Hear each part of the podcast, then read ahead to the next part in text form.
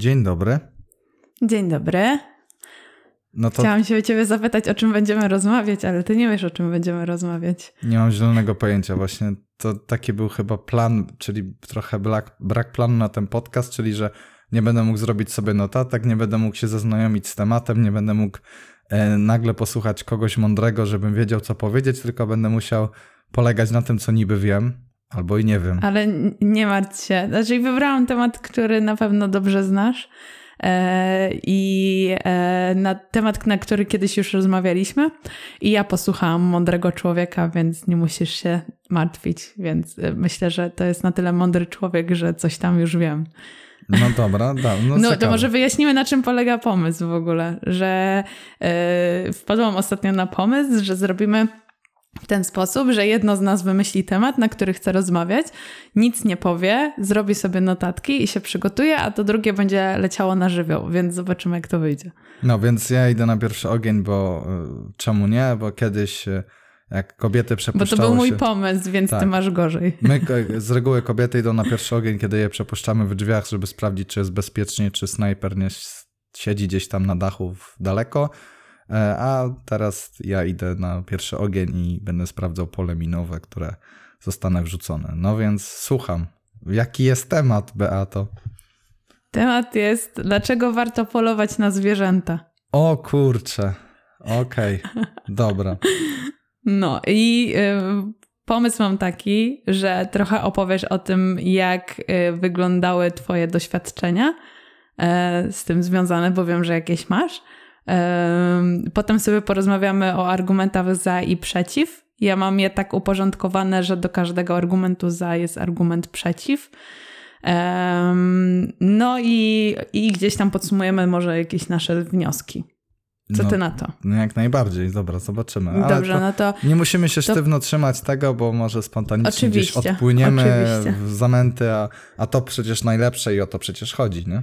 Dokładnie, dokładnie. No w każdym razie jakieś notatki mam, więc może na początek opowiedz, yy, opowiedz o jakichś swoich doświadczeniach, które masz z tym związane.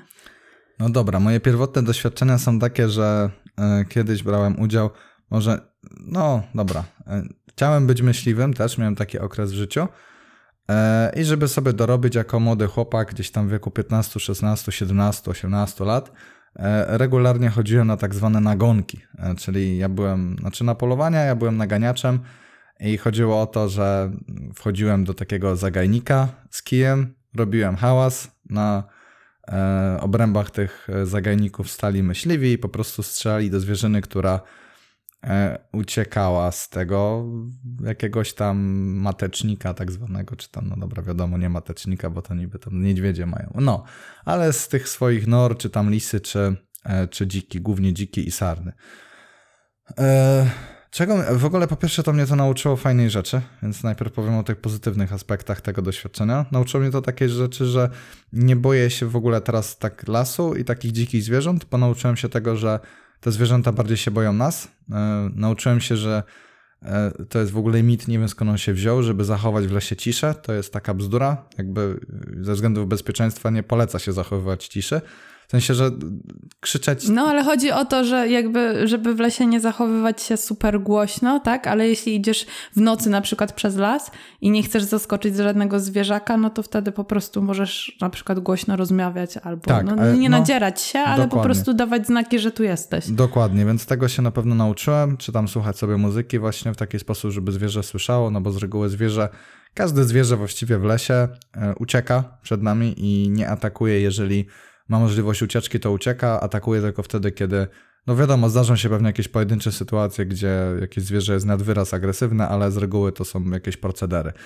No, no i co? Yy, takie doświadczenie miałem, że wiadomo, chodziłem na te polowania, poznałem ten trochę świat, akurat e, tutaj yy, w okolicach Obornik, poznałem tutaj Obornik Wielkopolskich, poznałem tutaj wielu, wielu myśliwych, osób, którzy się tym zajmują, no i gdzieś tam będąc jeszcze wtedy osobą bardzo wierzącą, no to bardzo podchodziłem do tego tak, że no wiadomo, ludzie panują nad tymi zwierzętami i jakby to jest spoko i nie miałem z tym moralnie problemu. Aczkolwiek mm, później perspektywa tego, jak te zwierzęta były polowane, leżały na tym tak zwanym pokocie, no to było takie trochę mm, no, takie doświadczenie dla młodego człowieka ciekawe.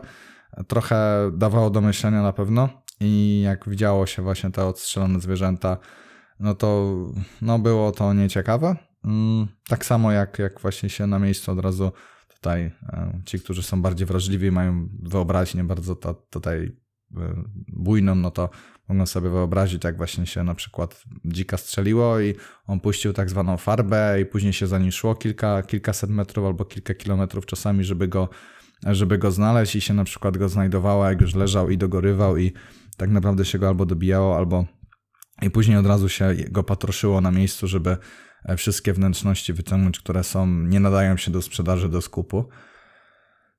Już na miejscu, tak? Tak, Że... no jak się takiego dzika upolowało na przykład albo sarnę, to po prostu się na miejscu brało nóż, rozcinało e, trzewie i się wyciągało po prostu jelita i, i żołądek i to, co się nie nadawało tak naprawdę do, e, no treść jelit i tak dalej, nie? To, co się nie nadawało do sprzedaży takiej i, że, i to, co sprawiłoby, że to mięso by zaczęło się szybko psuć, nie? Czyli właśnie zawartość jelit i tak dalej, nie? Więc to było takie, no też takie doświadczenie no dość mocne, jak się na to patrzyło. No ale może nie Ale ty nigdy tego nie robiłeś. Nie, ja byłem tylko biednym obserwatorem, jakby no chciałem się do tego kiedyś tam uczyć i mówiłem, że jak będę starszy, no to zrobię, jak będę dorosły, zrobię sobie pozwolenie na broń i w ogóle zacznę jeździć na te polowania i, i uczyć się tych wszystkich rzeczy, no bo mnie to wtedy ciekawiło, no bo jednak mnie, bardziej to mnie ciekawiło dlatego, że można było sobie strzelać na legalu i można było mieć broń bardziej na legalu i dużo mhm. łatwiej było jako myśliwym, będąc w kole łowieckim, zdobyć broń. E, a zawsze mnie ciągnęło do jakiejś tam wojskowości czy do takich rzeczy, dlatego też byłem w sekcji strzeleckiej i to wszystko się ze, so ze sobą zazębiało wówczas. No, ale nie miałem takich refleksji nad tym, co się tam dzieje i jakby jak to wygląda. No, jakby no niestety jest tak, że A jest... jak się... No. Jak się ma to, że mówiłeś, że poszczeliło się takiego dzika i on gdzieś tam szedł ileś kilometrów? Przecież myśliwi mówią zazwyczaj, że no nie strzelają, jeśli nie mają pewności, że tym strzałem zabiją no. to zwierzę. To proszę sobie wyobrazić, jakby, że biegnie jakiś dziki, że, że na pewno go trafisz i na pewno ten strzał jest taki, że na 100% go zabijesz. No jakby nigdy nie ma 100% pewności i czasami dostanie, nie wiem, nie w brzuch, czy nie w, gdzieś tam w, w tułów, tylko po prostu w nogę, czy, czy niżej, no bo się rusza dynamicznie, odskoczy, czy cokolwiek więc jakby no nigdy nie masz 100% pewności i tutaj może przesadziłem... No w sumie tym... najlepiej by było chyba w głowę strzelać, nie? No to weź trafnie, jakby jak to jest z reguły zwierzę w ruchu i rzadko kiedy to się zdarza. Znaczy no zdarzy się wiadomo, że gdzieś tam akurat stoi się nie rusza, ale no to są wyjątki jak się uda takie upolować, ale no tak jak my chodziliśmy wtedy, no to czy sarny właśnie, no to sarna, no pewnie każdy z was widział jak sarna się porusza szybko i skacze i w ogóle. No i jak ona jest wypłoszona i ucieka z tego zagajnika, to nie ma szans, żeby tak naprawdę... No wiadomo, wiele strzałów jest od razu śmiertelnych. No ona się to... nie wychodzi na spokojnie, kiedy jest wypłaszana, nie? No, raczej, no. raczej ucieka wtedy. Dokładnie, więc jakby no, może przesadziłem z tymi kilkoma kilometrami, ale kilkaset metrów gdzieś tam się szło, no bo dosłownie się wykrwawiał albo gdzieś tam jeszcze resztkami siły adrenaliny, tak jak człowiek by szedł, jeszcze bieg pewnie, to tak samo ten dzik, jeżeli nie był to strzał od razu śmiertelny, to jeszcze resztkami sił po prostu biegł i, i uciekał. E, no to było takie... Mm, później się jechało, nawet brało się samochód i się jechało za tą farbą tak zwaną, czyli że za, tą, za tymi śladami krwi, bo to z reguły się robi właśnie gdzieś tam jak śnieg, to było no, najlepiej, nie? jakby wtedy było najłatwiej znaleźć nie? i na śniegu bardzo często chodziłem. Nie? E, no, takie. No i później gdzieś tam porzucić, jak się wyprowadziłem do Poznania, no to wiadomo, porzuciłem ten temat, zacząłem się więcej dowiadywać i tak naprawdę ostatnio, jakieś dwa lata temu, gdzieś usłyszałem trochę więcej na temat właśnie tego, że w sumie to nie ma sensu, że jakby argumenty, jakby abstrahując od argumentów moralnych i tego, czy to ma, e, czy to ma czy to jest ok, czy nie, czy zabijanie zwierząt, które są niewinne i które żyją w swoim naturalnym środowisku i wpieprzanie się im tak naprawdę po co? No, jakby argumenty były takie, że oczywiście tam regulowanie populacji i tak dalej, nie żeby sobie natura No to jeszcze o tym pogadamy. Więc Dobra, no, no. ale pan, ja, może ja tak z doświadczeń takich tego świata, to no dobra, oczywiście to jest taki taki argument anegdotyczny, przykłady takie, takie z życia, a nie może jak to wygląda rzeczywiście, no ale biorąc pod uwagę e, jak gdzieś tam, że mam kilka znajomych na Facebooku, którzy po prostu wstawiają takie zdjęcia z tymi ubitymi dzikami, czy jeleniami, czy danielami, czy innymi pięknymi stworzeniami, no to tam nie ma takiego szacunku do tej zwierzyny. Tam jest szacunek do tego, że sobie ktoś penisa powiększa, że sobie piękne poroże znalazł, albo że upolował pięknego Daniela, którego odstrzelił i ma teraz piękne poroże do powieszenia na ścianie. I tam się do tego nie podchodzi tak z pozycji jakiegoś szacunku do zwierzyny, nie? Jakby słyszałem o takich argumentach, że przecież to się bardzo szanuje, okay, ten dar okay. lasu i w ogóle. No jakby... właśnie to jest jeden z argumentów, które w sumie miałam zapisane, bo ja się w sumie posiłkowałam... Yy E, rozmową z 7 metrów pod ziemią. Tam jest taka rozmowa z panią z Koła Łowieckiego, ale konkretnie yy, komentarzem do tej rozmowy takiego pana na YouTubie, który się nazywa Everyday Hero. E, to jest film, który mi pokazałeś jakiś czas temu. No i w sumie jak szukałam sobie materiałów do tego, no to, to, to była najlepsza taka możliwa, możliwa rzecz, którą sobie znalazłam. I w sumie on tam nie mówi o argumentach moralnych stricte. Więc tych moralnych argumentów tutaj e, ja przynajmniej nie, nie przygotowałam aż tak mocno, no ale rzeczywiście warto się zastanowić, czy człowiek powinien się wpieprzać w naturalne środowisko, gdzieś tam takiego dzika, łazić mu po tym lesie i strzelać do niego. No ale to już są argumenty, no wiadomo, każdy ma trochę inną moralność, no ale są też argumenty, które są faktami i może o tym warto bardziej porozmawiać, no ale właśnie ciekawy jest ten argument, że właśnie, że, że że myśliwi mówią, że obchodzą się z szacunkiem, no bo ten pokot no to jest w odpowiedniej hierarchii, w odpowiedniej, e, na odpowiednim boku, tak, i takie tam rzeczy. No i, yy, i teraz pytanie, czy rzeczywiście to jest szacunek do zwierzęcia, jeśli włazisz mu do lasu, stresujesz go tym całym polowaniem, on y, wypuszczasz psy, tak, które bardzo często na takich polowaniach są. Yy, te psy gonią to zwierzę, to zwierzę jest zestresowane i potem jest kupa ludzi, która do niego, to znaczy pewnie, no nie wszyscy, ja, ja, nie wiem jak to wygląda w praktyce, więc no ciężko mi jest powiedzieć, no ale strzelają do niego, tak? No w praktyce Powiedzmy, mogę że właśnie... Ci, właśnie mogę ci dodać tutaj akurat z tym, ta pani miała tam sporo racji, czyli że no to są kwestie też bezpieczeństwa, że często jest kilku, kilkunastu, czasami kilkudziesięciu myśliwych na polowaniu i jakby no nie walisz po prostu na oślep, no bo różnie może być. Tak, zazwyczaj jest chyba tak, że strzela w ogóle jedna osoba, nie? No to nie jest stylu? tak, że jakby, no ja z reguły jeździłem, to było kilkunastu, czasami do 30 tych myśliwych i to nie było tak, że walili po prostu wszyscy jak z karabinów do tego, tylko to z reguły był, no, jak jakieś wiadomo. zwierzę uciekło z tego zagajnika, to był jeden strzał, góra dwa, jakieś tam było oddane i albo żaden bardzo często, bo po prostu nie było takiej pozycji, żeby strzelać i to nie miało sensu. No, ale to też chodzi, wiesz, o to, że nawet jeśli nie oddasz, y, jeśli nie oddasz takiego czystego strzału, to to zwierzę jest ranne. Ono idzie właśnie, tak jak mówiłeś, ucieka przez jakiś czas y, i ginie czasami w, w męczarniach tak naprawdę. Gdzieś czasami jeszcze się zdarza, że te psy pójdą, y, będą szarpać tego zwierzaka, bo ile jest takich filmów na YouTubie, a pewnie więcej takich sytuacji było, niż to jest rzeczywiście gdzieś tam pokazane. Mm, no i to jest teraz pytanie, czy to rzeczywiście jest szacunek do tego zwierzęcia, nie? Tak samo to właśnie robienie zdjęć, że z jednej strony e, ta pani powiedziała, że to nie jest dla pokazania się, e, tylko bardziej takie oddanie czci temu zwierzęciu, no ale z drugiej strony to, czy to zwierzę naprawdę po swojej śmierci się przejmuje tym, czy będzie leżało w odpowiednim miejscu w pokocie, na odpowiednim boku, bo nie wiem, lewy jest jego gorszy, więc chce leżeć na prawym. No wiesz, no... A z drugiej strony nie każdy... I, i, i czy zależy mu na tym, że, że będzie miało zdjęcie po prostu prostu. Szczególnie, że bardzo często ci myśliwi wrzucają te zdjęcia do mediów i widać przecież te zdjęcia, że to nie są takie do końca zdjęcia z szacunkiem, no bo są jakieś zdjęcia czasami takie, że no nie wiem, w jakiejś tak dziwnie trzymają te zwierzęta, czy robią sobie jakieś takie dziwne te zdjęcia, że to nie jest do końca, że tylko pokot i tyle, tylko no według mnie no to, to wygląda tak, że no oni się jednak mimo wszystko chwalą, jakby na to nie patrzeć, nie? No tak, no wiadomo, że się chwalą pewnie głównie. No inną rzeczą jest to, że też słyszałam od, yy, od osoby, która ma w rodzinie myśliwych, że no to też jest trochę tak jak z każdą grupą społeczną, że yy, są tacy ludzie, którzy podchodzą bardzo bardzo poważnie do tego, co robią, że jak jadą właśnie na takie polowanie, no to jadą tam na trzeźwo, nie upijają się, nie robią wokół tego imprezy, tylko rzeczywiście traktują jakby to jako jest taką swoją misję, nie? Ale są też tacy ludzie, którzy przyjeżdżają, upijają się, idą do tego lasu, może też nie, już wiadomo, że po alkoholu to się inaczej strzela, tak?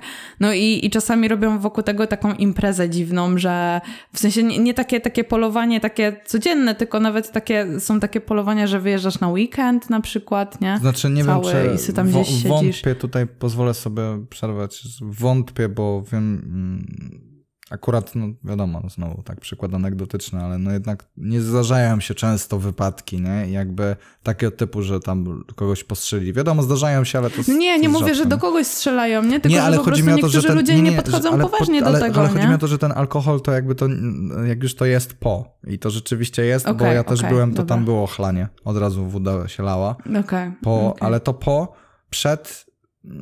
Dobra, okej, zdarzało się, no bo jednak zima to się waliło na przykład jednego kielicha na tak zwane rozgrzanie, nie? To rzeczywiście, Okej, okej. ale to nie było takie, wiesz, takie uchlewanie się. No w każdym razie, no też słyszałam, że jakby no, w tej grupie też jest taki trochę podział na tych ludzi, którzy rzeczywiście traktują to, to jako coś poważnego, a są ludzie, którzy po prostu to traktują jako jakąś tam zabawę, tak? Mm. No i e, jeszcze co do tego, że mówiłeś, że takie zwierzę się patroszy, nie? Jednym z argumentów jest to, że w sumie takie tak zwane pozyskane mięso, jak to mówią czasami myśliwi, że ono nie jest marnowane, że nic z tego zwierzaka się nie marnuje. No i ja rozumiem, że jakby wnętrzności typu jakieś tam jelita czy coś, no to, e, to, to raczej nie są rzeczy, które się je na co dzień. E, no, ale, ale to już jest takie też takie dla mnie trochę dziwne, bo wcześniej o tym, to znaczy no, dosyć logiczne, że oni to patroszą już na miejscu, bo po co to wozić gdzieś tam, ale z drugiej strony no zostawiasz te wnętrzności gdzieś tam w lesie. No wiadomo, wtedy przynajmniej może jakiś tam e, padlinożerca se przyjdzie i to zje, ale z drugiej strony to takie też trochę dziwne, nie? No, no i z drugiej strony jakby e, wartość takiego skupu w 2016 roku, bo doszłam do takich statystyk, to było 115 milionów złotych na cały 2016 rok. I teraz W sensie, że za tyle się sprzedało mięsa, tak? tyle było w skupie mięsa. No bo nawet jak ty chcesz kupić jako myśliwy, no to i tak musisz iść do skupu jakby zapłacić za tego dzika, nie? No No tak. i ja, ja rozumiem, że wartość skupu, no to to oznacza, że ile mięsa trafiło do skupu, ale też w, tym, w tych liczbach też są te, które myśliwi odkupili, ale może być taka część tego mięsa, której myśliwi nie odkupili. I teraz pytanie, czy rzeczywiście nic się w tym skupie nie marnuje, nie? No, No. bo wydaje mi się, że całe to mięso pozyskane z polowania to raczej no, nie jest wykupywane. No nie wiem, tak 115 milionów złotych. No Znaczy to z drugiej strony sporo, właśnie biorąc, biorąc pod uwagę też drogość dziczyzny, nie? Że jakby gdziekolwiek się idzie do, restauracji, No. to dziczyzna jest to bardzo droga. No ale pomyśl sobie o tym, że nawet, no właśnie, idziesz do restauracji i tam masz w karcie dziczyznę. Biorąc pod uwagę, że jest taka droga, no to najprawdopodobniej, jeśli oni mają zawsze świeże mięso, to, a dobre restauracje raczej mają świeże cały czas, no to, to raczej nie jest tak, że im schodzi całe to mięso. Więc to mięso prędzej czy później i tak jest marnowane gdzieś tam, na którym się tapie. Nie? No na pewno, Być może jest kupione ze skupu, wszystkim. ale wyrzucane w restauracji, nie? Ale to jak ze wszystkim, nie? Jakby.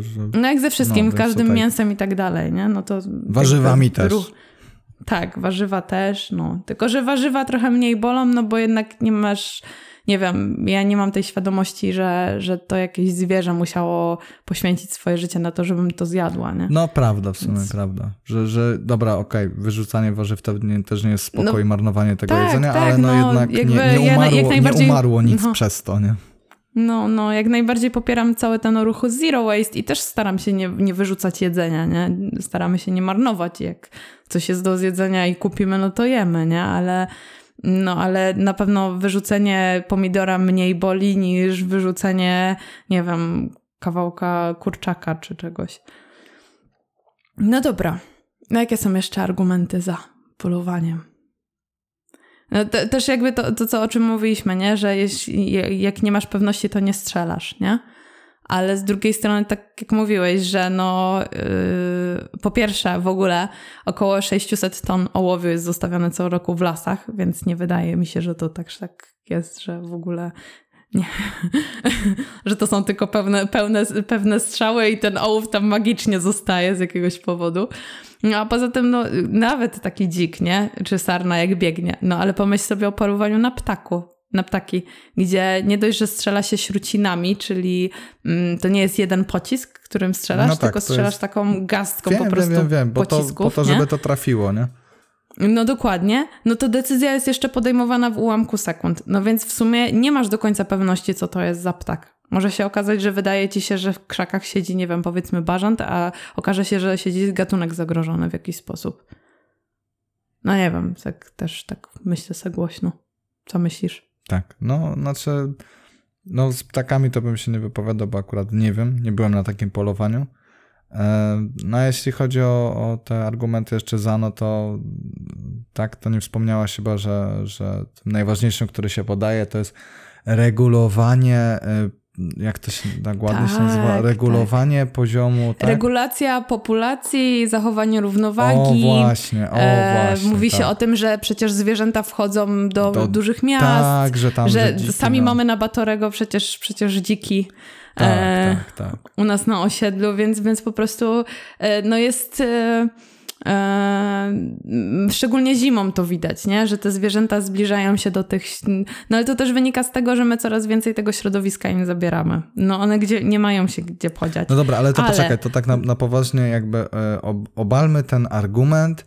E, nie wiem, czy masz te dane, e, a jak nie, to będę zmyślał. W sensie zmyślał to, co pamiętam, odnośnie tego, że odnośnie tej regulacji, że ta regulacja No to może działa. ja powiem, co, co pamiętam, co, co mam, co, co usłyszałam, a ty najwyżej dopowiesz coś jeszcze Dobra, uzupełnisz. no. Po pierwsze, są państwa, które mają wprowadzony totalny zakaz polowania, albo y, mają duże ograniczenia. I y, chyba we Francji, czy Francja, gdzieś Niemcy w jakim państwie. chyba. Francja, Niemcy Francja są chyba w ogóle tam, ma zabronione. Tak, tam jest chyba zakaz i tam są badania prowadzone na przestrzeni wielu lat, które mówią o tym, że e, dużo lepsza jest regulacja naturalna, bo nie ma żadnej, e, żadnej populacji, żadnego gatunku, który ewidentnie dominuje. Że ta regulacja, jakby wiadomo, że na początku to jest mm, zaburzone, po tym jak zakazujesz polowań, no to przez jakiś czas ta przyroda musi gdzieś tam się sama poustawiać, ale po iluś latach wraca to do takiej normy, że, że tam nie ma potrzeby ingerowania człowieka w jakikolwiek sposób w tą równowagę w przyrodzie. Takie są badania, nie mam konkretnych tutaj danych, jeśli chodzi o Francję, bo tego w tym filmiku akurat nie było, a ja też nie szukałam, e, ale gdzieś chyba są jakieś artykuły w internecie, które mówią właśnie o tym. Chyba w jakimś innym filmiku też o tym słyszeliśmy właśnie. To było a propos tego afrykańskiego pomoru świń, tam chyba Everyday Hero robił też taki film i... E, i tam były właśnie dane z Francji, że w, jak zaprzestali, to, to teraz mają tam badania chyba po 10 latach czy po iluś i ta przyroda sama się reguluje, że wilki na przykład same zabijają. To znaczy dzik nie ma naturalnego takiego y, w sumie, y, nie ma naturalnego wroga. Mm, No ale ta regulacja y, populacji tych dzik, dzików w taki naturalny sposób jest bardzo dobra jakby dla przyrody. Z tego co pamiętam. Mm, Tak mniej więcej ogólnie mówiąc. Dobra, to tu jeszcze rzucę No. tylko a propos tego regulowania, to że e, w Polsce e, gdzieś pamiętam chyba właśnie też to porównanie, że gdzieś tam na przestrzeni ostatnich 15 lat jest coraz więcej dzików tak naprawdę z roku na rok i wcale nie Tak, jest tak, ich o tym właśnie mówił, że y, z roku na rok i na 2016 rok populacja dzika wynosiła około 300 tysięcy. A ta cała regulacja tych, tych y, mm, tych właśnie, właśnie gatunków. Po pierwsze dotyczy tylko 30 gatunków, a pozostałe 5, 500 nie jest w ogóle regulowane w żaden sposób, no bo wiadomo, żaba nie smakuje tak dobrze No i pewnie Polsce. no właśnie, pewnie w skupie nie jest tak drogie mięso żabki, a, a dzika już E, tak. No nie, to też jest kwestia tego, że w skupie nie skupują niektórych No gatunków dokładnie, zwierząt, dokładnie, nie? no bo ludzie może nie chcą tego Mm. jeść też. No i pozostałe tam 500 gatunków nie jest ani dokarmiane, ani nie jest regularnie ostrzeliwane i jakoś sobie radzą te, te gatunki zwierząt. E, No i w czasie, kiedy my mamy właśnie tą całą regulację, to I nie mamy doprowadzono na inwazji skraj... wiewiórek. Tak, tak, dokładnie. I dziwnym trafem, jak to się stało. E, ta regulacja cała, która ma być zachowaniem równowagi, spowodowała, że na skraj wyginięcia e, doprowadzono wilki i rysie między innymi. E, I mało tego, jeśli chodzi o dziki właśnie, to to, że są dogarmiane kukurydzą, E, w jakimś kraju, bo akurat to były badania nie z Polski, tylko skądś indziej, że dokarmianie kukurydzą powoduje, że ciąże są bardziej mnogie. Mało tego, e, przez to, że te te dziki żyjące na terenach łownych szybciej osiągają dojrzałość płciową, więc szybciej są, e, szybciej się rozmnażają. Dlatego populacja dzika jest taka duża w Polsce i w ogóle we wszystkich państwach, w których w których się poluje, no bo, yy, bo dziki właśnie nie dość, że właśnie się szybciej rozmnażają, to, to też są dokarmiane właśnie w sztuczny sposób, więc yy, też mają większe te gdzie, mioty. Pozwolę nie? sobie dodać, gdzie jakbyśmy ich w żaden sposób nie dokarmiali i nie ingerowali w to, to po prostu ta populacja by się, to co, to co powiedziałaś też, te argumenty, że właśnie prawdopodobnie później by osiągały tą dojrzałość płciową, mniej byłoby potomstwa po takiej ciąży, E, więc to by jeszcze powodowało, że jest mniej tych dzików albo że jest stała liczba. No i najważniejsza rzecz, czyli ilość pokarmu. Jeżeli nie dostarczysz ilości pokarmu do danego terytorium i nie, do, nie doprowadzisz do większej ilości e, pokarmu, które jest w stanie wykarmić większą populację, to po prostu no, takie działa dobór naturalny, tak jakby no Darwin tak, te, które nie zdobędą po pożywienia, to umrą z umrą głodu. i nie? tyle, i umrą z głodu i nigdy ta, ta populacja nie przeskoczy pewnej liczby, bo po prostu nie ma, chyba że właśnie nagle na przykład zabije się e, innego wroga, wroga bardziej w kontekście e, pozyskiwania jedzenia, że na przykład mm -hmm, nie mm -hmm. wiem mhm. co, co jeszcze je to samo co dzik, nie? no ale załóżmy, nie, wymyślę, że sarny, nie, i że odstrzeli się te sarny, nagle ich będzie połowa mniej, no tych dzików może być wtedy więcej, no bo mają te pożywienie dostępne, bo e, odstrzeliśmy sarny, nie, i możliwe, że też na przykład ta chociaż wilk nie akurat, nie? Ale no jakby no nie ma, nie, nie ma potrzeby, nie? Jakby no mhm, natura mm -hmm, sobie mm -hmm. z reguły radzi i jakby mm, nie wiem, no zobaczcie, że, że nie ma tak. Jeszcze tam mm -hmm. był taki argument, tylko że to nie był... Yy nie był akurat w tym filmiku, tylko właśnie był w tym afrykańskim pomorze świń, to też jakby argument przeciwko polowaniom jest taki, że polowania powodują, że ten afrykański pomor świń... A przy to, co chodziło, świn... jeżeli pamiętasz z tym mm, afrykańskim pomorem świń? Eee, o co chodziło, jeśli chodzi o chorobę, czy no, bo no, ja no. nie wiem, nie, nie, pamiętam do końca, czego ona dotoczyła, no ale chodzi o to, że ona jest roznoszona przez dziki E, I jeśli dotrze do jakiejś fermy świń, no to wiadomo, świnie, świnie się zarażają i chodziło o to, że e, dziki e, od wschodu, jakby od wschodniej granicy zaczęły wnosić to do nas do Polski i, e, i rolnicy chcieli, żeby odstrzeliwać te dziki, ponieważ, e, ponieważ e, A, zarażą, jeśli dzik dotrze no, do, do jakiejś tam fermy, może zarazić te świnie, no i wtedy te świnie też są zarażone, no to mięso się już potem nie nadaje do sprzedaży. No i była cała dyskusja na temat tego, czy te dziki odstrzeliwać, czy nie. Ach, pamiętam, no i badania okay. pokazują, że jeśli, jeśli dziki mm, są odstrzeliwane, to po pierwsze w ogóle samo odstrzeliwanie tych dzików nie powoduje, e, że e, to jest bardzo losowe. No z daleka nie jesteś w stanie stwierdzić, czy ten dzik jest chory, czy zdrowy. Więc w ogóle samo odstrzeliwanie nie dawało w ogóle jakichś super rezultatów, ponieważ tam chyba dosłownie jakiś minimalny odsetek to były dziki, które były chore. Większość dzików, które były odstrzeliwanych, były zdrowe.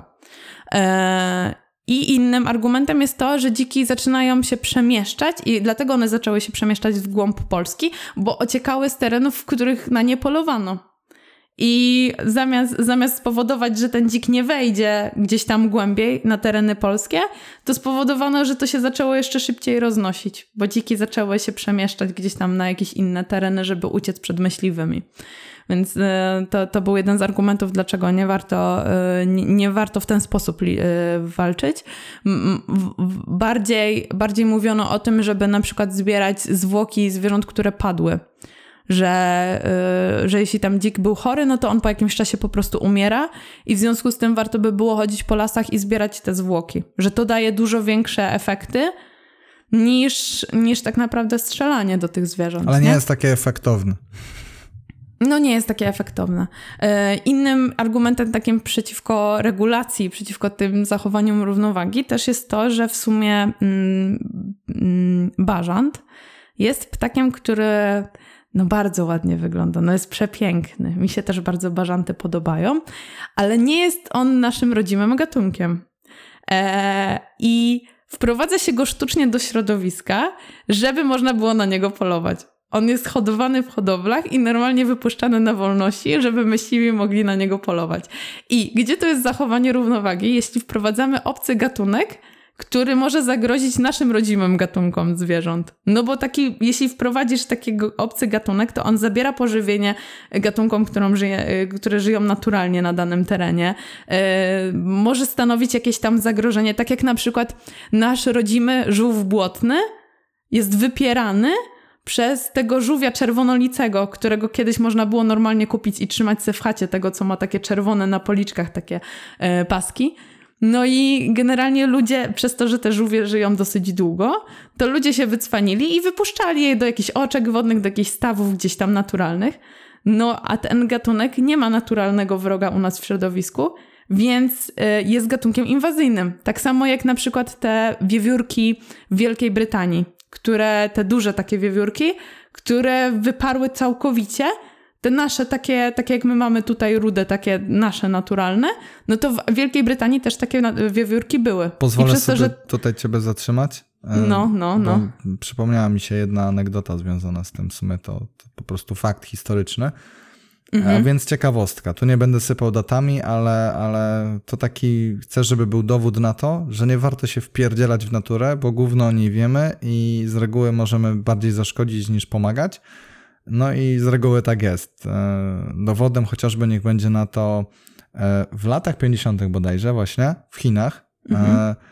Bardzo władze Chin się wkurzały na wróble, bo wróble tam niszczyły tak, jakieś tak, no. rzeczy, no. tam robiły sobie gniazda w blokach, tam w tych takich ciasnych. No wiadomo, generalnie były tak jak nasze gołębie, czyli takie trochę szkodniki. takie szkodniki. No i no. jakby, no i oczywiście wyszedł tam dekret jakiś tam, wiadomo, króla, króla Chin, ha, ha, ha, wiem, że nie ma króla Chin, wiemy o co chodzi, po prostu tak tam jest, tak, wiecie o co chodzi. Że, no, że zabijamy Że zabijamy wszystkie wróble, po prostu odstrzeliwujemy je na potęgę. No i odstrzelili i tam wybito chyba 90% Nie ma wróbli tak, chyba no, prawie. No. Znaczy nie, teraz już są, nie? Ale, ale jakby No teraz wtedy, są, no ale wtedy, wtedy nie było odstrzelono tam do 90% i, się, i co się okazało? To spowodowało między innymi e, w tamtych czasach największy głód e, w Chinach. A dlaczego? Dlatego, że wróble jedzą szarańcze.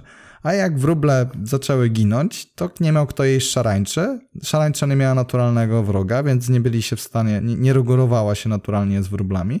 No i mhm. okazało się oczywiście szarańcza niszczyła wszelkie plony i był problem z jedzeniem, bo nie było oczywiście e, no nie można było, tak, plony były bardzo słabe, albo nie było ich wcale i, i był po prostu głód. Więc no, zobaczcie, pierdoła, nie? Jakby chcemy sobie ułatwić życie, zabijmy wróble, nie? Gdzieś jeszcze, nie pamiętam, nie przytoczę teraz, gdzieś jeszcze były podobne historie.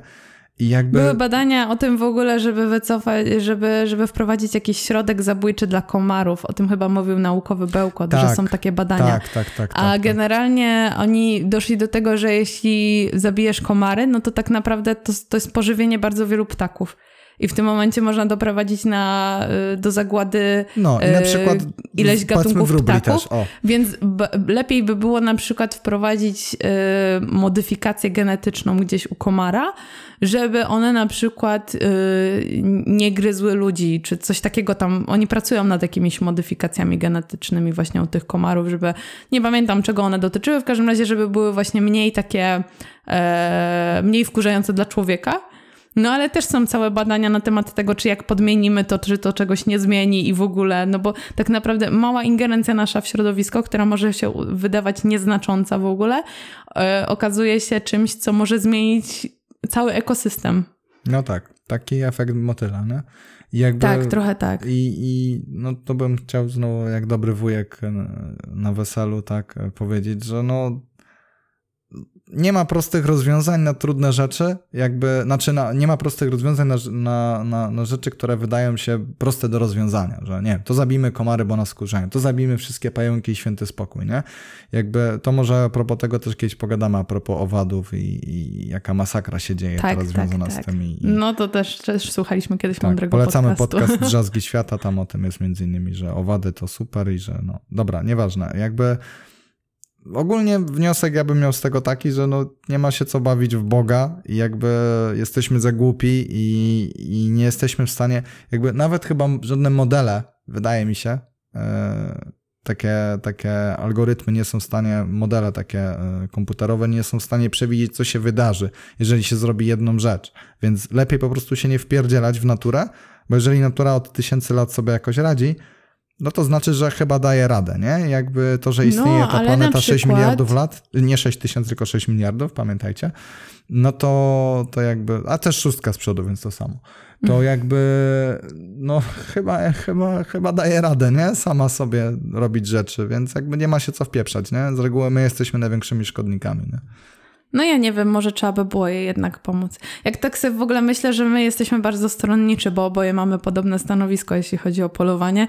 Ja trochę też z miłości do zwierzątek, bo ja nie wyobrażam sobie strzelić do zwierzaka, ale, yy, ale właśnie może rzeczywiście brakuje takich argumentów z drugiej strony, żebyśmy zaprosili jakiegoś myśliwego, który by był rzeczywiście gdzieś Wiesz tam... co, ja miałem yy... dyskusję na ten temat e, z, z jednym panem, który jest myśliwym i on oczywiście podawał argumenty. Tak, teraz teraz ten, e, teraz to e, tu mówisz, że nie, nie chcesz ten, a, a ten, a jak dzik ci chodzi pod blokiem, to, to najchętniej by, to ktoś cię musi uratować, nie? No to co? To właśnie No nie, my no jesteś... my wychodzimy regularnie na spacery z lisem, gdzie dziki są 50 metrów od nas i nic się nie dzieje i one tylko no, patrzą na nas, kim my jesteśmy ja wiem, i ale tyle, wiesz, no. ale, ale wiesz, ale, ale słyszałem taki argument, no a jak dziki biegają po, po miastach, to wtedy się pyta, gdzie są myśliwi, nie? No właśnie po to jesteśmy, wiadomo, nie jesteśmy w stanie wszystkich wybić, ale po to jesteśmy. Taki argument słyszałem, nie? Jakby, ale na przykład y, wydaje mi się, że dużo mądrzejsza y, i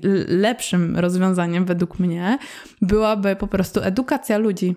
I tak jak na przykład w zeszłym roku, jak się zbliżała, zbliżał okres taki zimowo-jesienny, to pojawiły się billboardy na przystankach z informacją, że jeśli zobaczysz dzika, to i tam było, że nie uciekaj, nie coś tam, nie coś tam, po prostu zachowaj spokój, e, przejdź tam, zachowaj odpowiedni Daj dystans, coś tam, coś tam.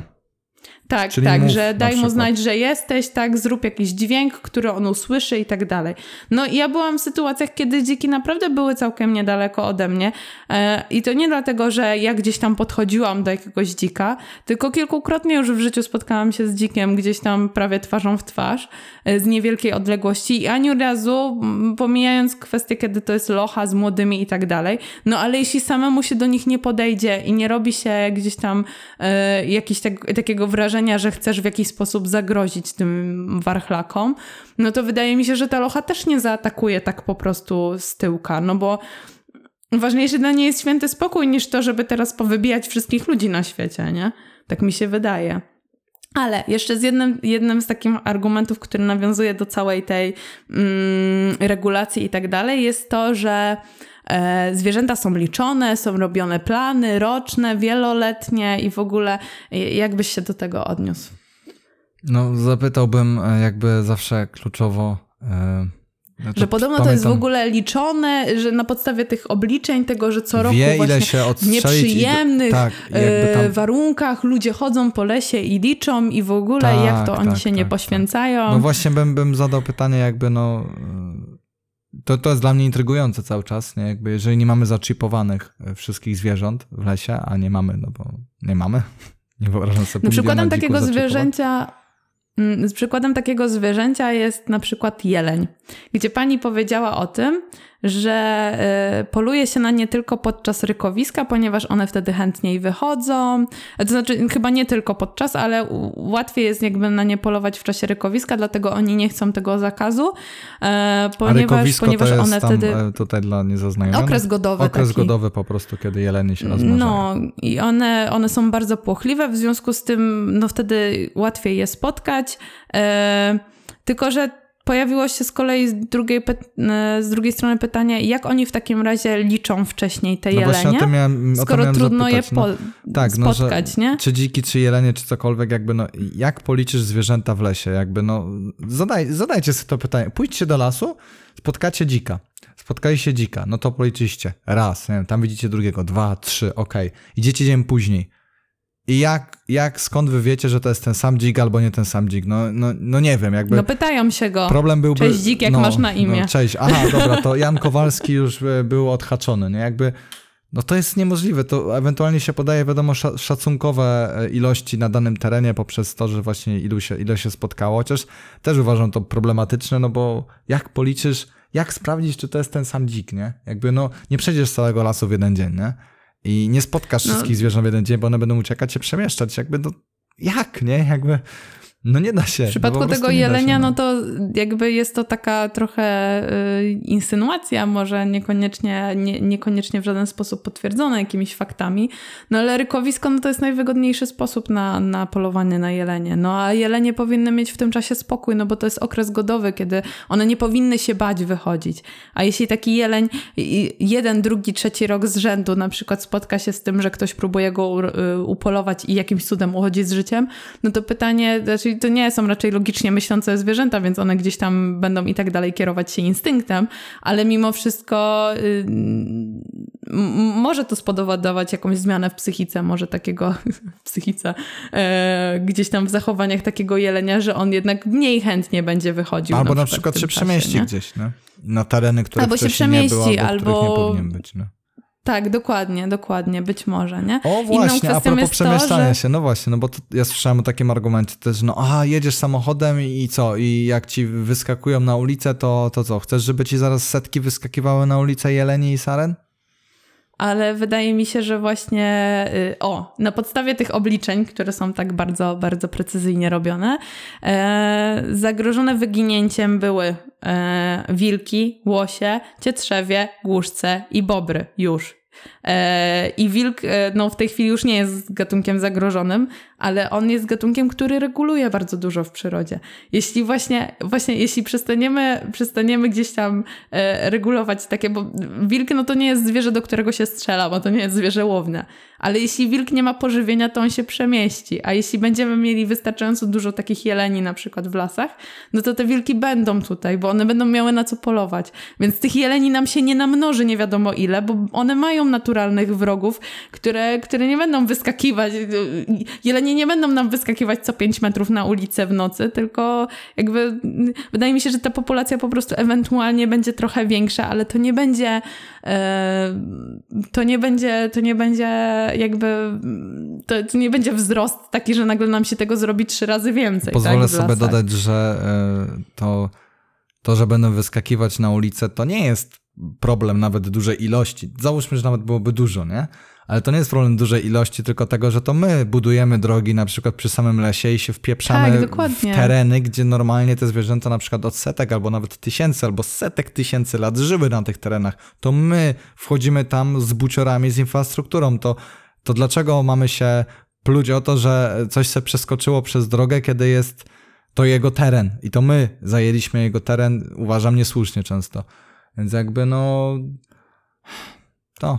No, ale jakby y, z innej takiej pozytywnej strony, a propos infrastruktury, to Polska akurat jest pionierem, jeśli chodzi o budowanie autostrad i takich dróg szybkiego ruchu, jeśli chodzi o te przejścia dla zwierząt, które często się widzi gdzieś tam, że albo górą, albo dołem są robione takie tunele. Mało tego, te tunele bardzo fajnie pomagają liczyć zwierzęta, albo w ogóle dzięki tym tunelom odkryto, że kilka gatunków, które uważano za wymarłe, jednak nie są wymarłe. Na pewno tam jeden, o którym słyszałam E, ale nie pamiętam teraz o jaki gatunek dokładnie chodzi, albo że tam jest więcej tych zwierząt niż tak naprawdę szacowano, jakieś takie rzeczy. Że bardzo właśnie fajnie pokazuje, e, te tunele pomagają przez to, że tam są czujki ruchu, jakieś kamery i tak dalej że właśnie one bardzo fajnie pomagają też w badaniach nad życiem tych zwierząt. I, mm, I do Polski przyjeżdżali inżynierowie z innych krajów, żeby uczyć się od nas budowania takich przejść dla zwierząt. Więc o, wow, to z takich pozytywnych da się, rzeczy. Czyli spoko. Czyli da się. W... Da się, da się. Jednak coś umiemy robić jako Polacy. Cieszę się, cieszę się naprawdę. No, nie wiedziałem no, o tym no. w ogóle, o tych tunelach. W ogóle ja nie widziałem nigdy takiego tunelu, serio. Jak nie? No nie widziałeś takiego na przykład m, takiej platformy, takiej nad autostradą, takiej bardzo szerokiej z trawą, po Nie. prostu takim ogrodzeniem Nie, drewnianym. No to nie. kiedyś jak będziemy jechać, to muszę ci zwrócić uwagę. Albo Okej. często jest tak, że jak jest autostrada i ona jest dosyć wysoko, to pod spodem są tunele zrobione. Takie po prostu, wiesz, że jest ta autostrada trochę wyżej i na tym podkopie całym, tak, w środku są zrobione jakby takie dziury, takie tunele, które są, e, które są e, dla zwierząt właśnie typowo, nie? Hmm. E, tak, i, i z, tego, z tego rzeczywiście zwierzęta korzystają, bo ja w ogóle byłam ciekawa, czy to cokolwiek daje. I rzeczywiście daje. No raczej, wiesz, jak Tylko to wybór... musi być odpowiednio zabezpieczona, zabezpieczona droga, żeby ten zwierzak nie dostał się górą gdzieś tam, czy w ogóle przez tą drogę, No żeby jasne, nie próbował wiadomo, przejść. wiadomo. No, ale jak ale jak wybór, wiemy, wiesz, autostrady hałas- są tam dosyć mocno zabudowane, jeśli chodzi o, yy, o płoty i tak dalej, więc to zwierzę idzie wzdłuż płotu i znajduje sobie to przejście i przechodzi tymi No przejściami. są te takie ekrany oddzielające, to akurat wiem, widziałem. Też, ale są płoty czasami, po prostu taka siatka zwykła też wystarcza, nie? Takie zwierzę nie będzie się tam gdzieś próbowało jakoś super przez to przebić. Szczególnie, że no, hałas jest i tak dalej, nie? No te zwierzęta wiadomo przemieszczają się głównie nocą tymi drogami, ale się przemieszczają, więc wiem, że korzystają. Takie są badania przynajmniej. Można pewnie gdzieś tam ciekawsze e, fakty na ten temat jeszcze znaleźć i więcej szczegółów. Mm, no. Co jeszcze? Co ci przychodzi do głowy z takich rzeczy? Że właśnie a innym argumentem takim a propos tego, że ci sarny będą wybiegać na drogi i tak dalej, to mi się kojarzy z kolei to, że kurde, ileś tysięcy lat te zwierzęta się same regulowały, a teraz nagle człowiek musi. No, To dokładnie. dla mnie jest takie też takie dziwne, trochę taki dziwny argument, że co, że przyroda jest tak głupia, że ona sobie bez nas nie poradzi. Nie, w drugą stronę, to my sobie bez przyrody nie poradzimy, a przyroda bardzo dobrze bez nas sobie poradzi, więc... Tak, wystarczy, No. a to wystarczy zobaczyć na przykład e, Prypeć. W ogóle jest idealnym przykładem, gdzie nie ma już tam Tak, ludzi jak przez przyroda 30 sobie lat. odzyskała w ogóle Tak. przestrzeń, nie? Tak. Gdzie ludzi nie ma, bo oni tam nie mieszkają, bo jest za duże promieniowanie jeszcze, a przyroda tam normalnie sobie żyje i no, no są, są rośliny. Nawet zwierzęta po prostu tam zarosło. żyją, nie? I Tak, normalne tak, ptaki, owady i, i normalnie te, to miasto prawdopodobnie jeszcze tysiąc lat jakby tak było na przykład i może tak będzie, to tam nie będzie śladu po ludziach, nie? Jakby wszystko się Ewentualnie rozłoży. jakieś plastikowe rzeczy zostaną jeszcze tak, tam po tak, nas. dokładnie. Tak to... no. Papierki zostaną po Twixach. No. No dokładnie, tam Twixów chyba nie mają. No to, to- znaczy nie było chyba w tych E, czasach. Rasia e, twix.ru, no. No dobra, ale jeszcze takim argumentem jest to, że myśliwi nie czerpią wcale przyjemności z polowań. I to nie jest pasja, tylko oni O, to jest dobry argument. e, czują się powołani do tego, żeby.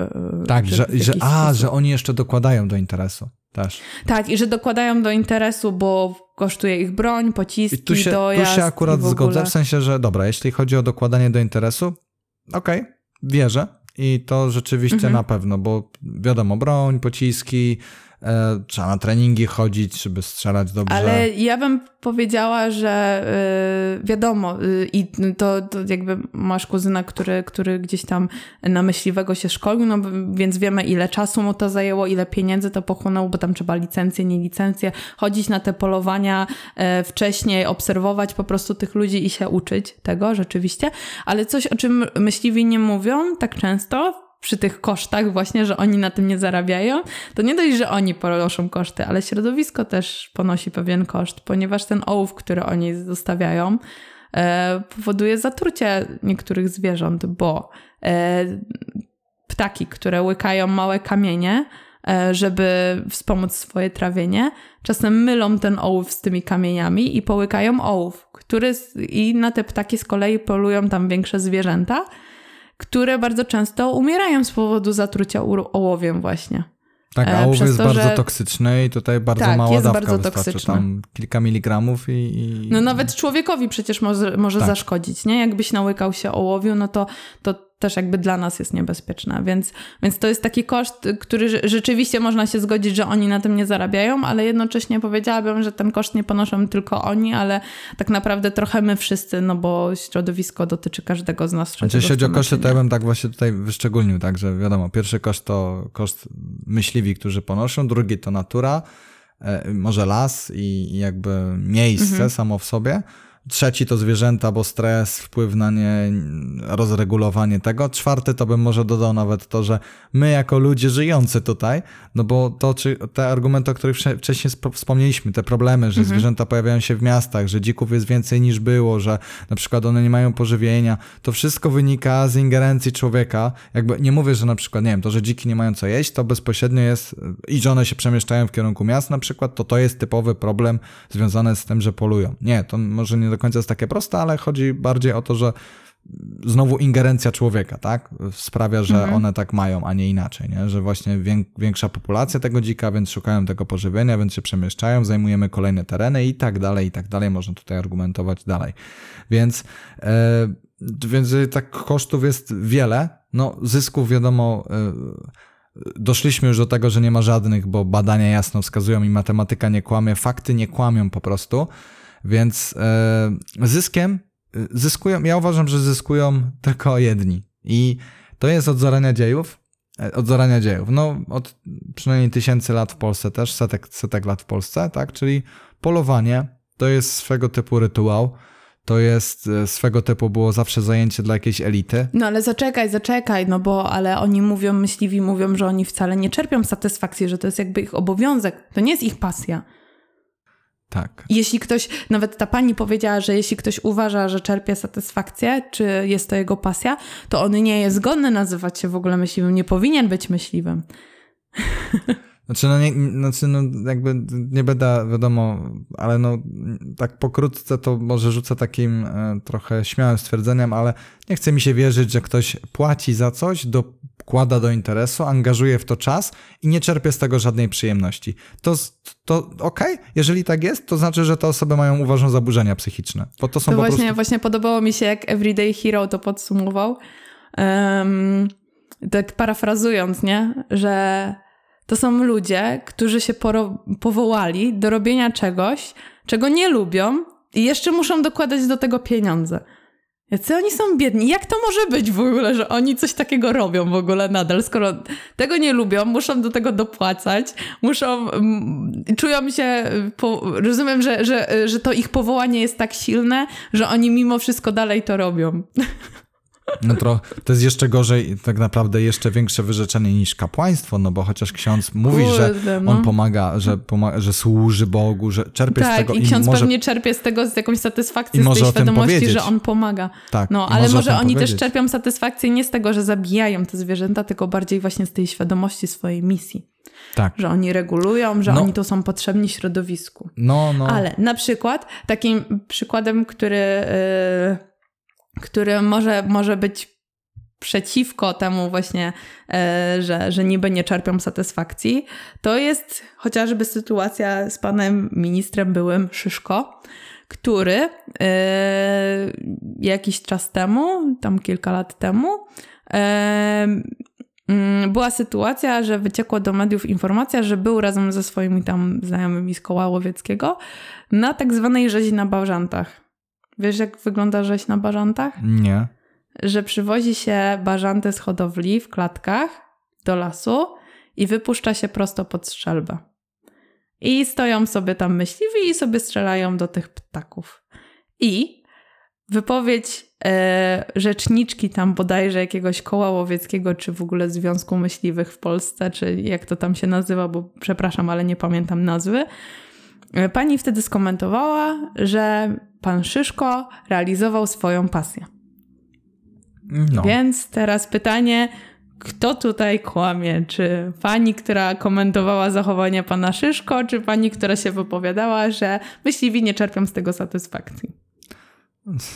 No bo jakby e, taka rzeź, gdzie przywozisz ptaka, który nie jest nawet naturalnie w tym miejscu, tylko po prostu przywozisz go sobie w klatkach i strzelasz do niego, to nie ma nawet nic wspólnego z realizacją jakiegokolwiek e, celu regulacji w tym środowisku. Tak? No wszystkie, no bo... wszystkie argumenty się wysypują. Tak, Te, dokładnie. które podaliśmy, A takie rzeczy takie, też się dzieją. Można nie? z nimi dyskutować. Więc... Pozostaje tylko tak. jeden argument, czyli sprawia mi przyjemność, zabijanie słabszego zwierzęcia i, i tyle. I jakby ja bym może właśnie... Ale chyba z tego co pamiętam, to minister Szyszko, jak tam był, to o ile mnie pamięć nie myli, to on raczej nie ukrywał tego, że on po prostu jest pasjonatem, jeśli chodzi o polowania, nie? On tam by najchętniej wystrzelał wszystkie zwierzęta, tak pamiętam, że wtedy było y, ucho prezesa na YouTubie i właśnie był między innymi minister Szyszko, który jak tam za każdym razem, kiedy miał rozwiązać jakiś problem ekologiczny, to chciał strzelać do wszystkiego. No. Więc, więc... Więc No. no. no tutaj rzucę śmiałą tezą, śmiałym argumentem, że no głównym powodem, dla którego mamy myśliwych i myśliwi chcą się, chcą się tym parać, w tym trudnych, tych trudnych czasach, w tym trudnym środowisku, w tym błocie, w tym zimnie, płacić te miliony złotych, to jest po prostu każdy będzie miał inny powód, dla, dla którego sprawia mu to przyjemność, ale sprawia im to przyjemność. Okej, usłyszałem jeszcze fajny argument akurat, e, że też nie chodzi o samo. Tutaj może bym rzeczywiście trochę na obronę. To dajmy, dam coś na obronę myśliwych, Mhm. że Dobra, dawaj. nie chodzi też o samo właśnie tą, ten fakt odbierania życia i tak dalej, bo większość polowań się kończy niczym, po prostu niczym. Kończy się łażeniem po lesie. I właśnie to jest taki argument, który słyszałem, że sprawia przyjemność po prostu kontakt z tą naturą w tym lesie.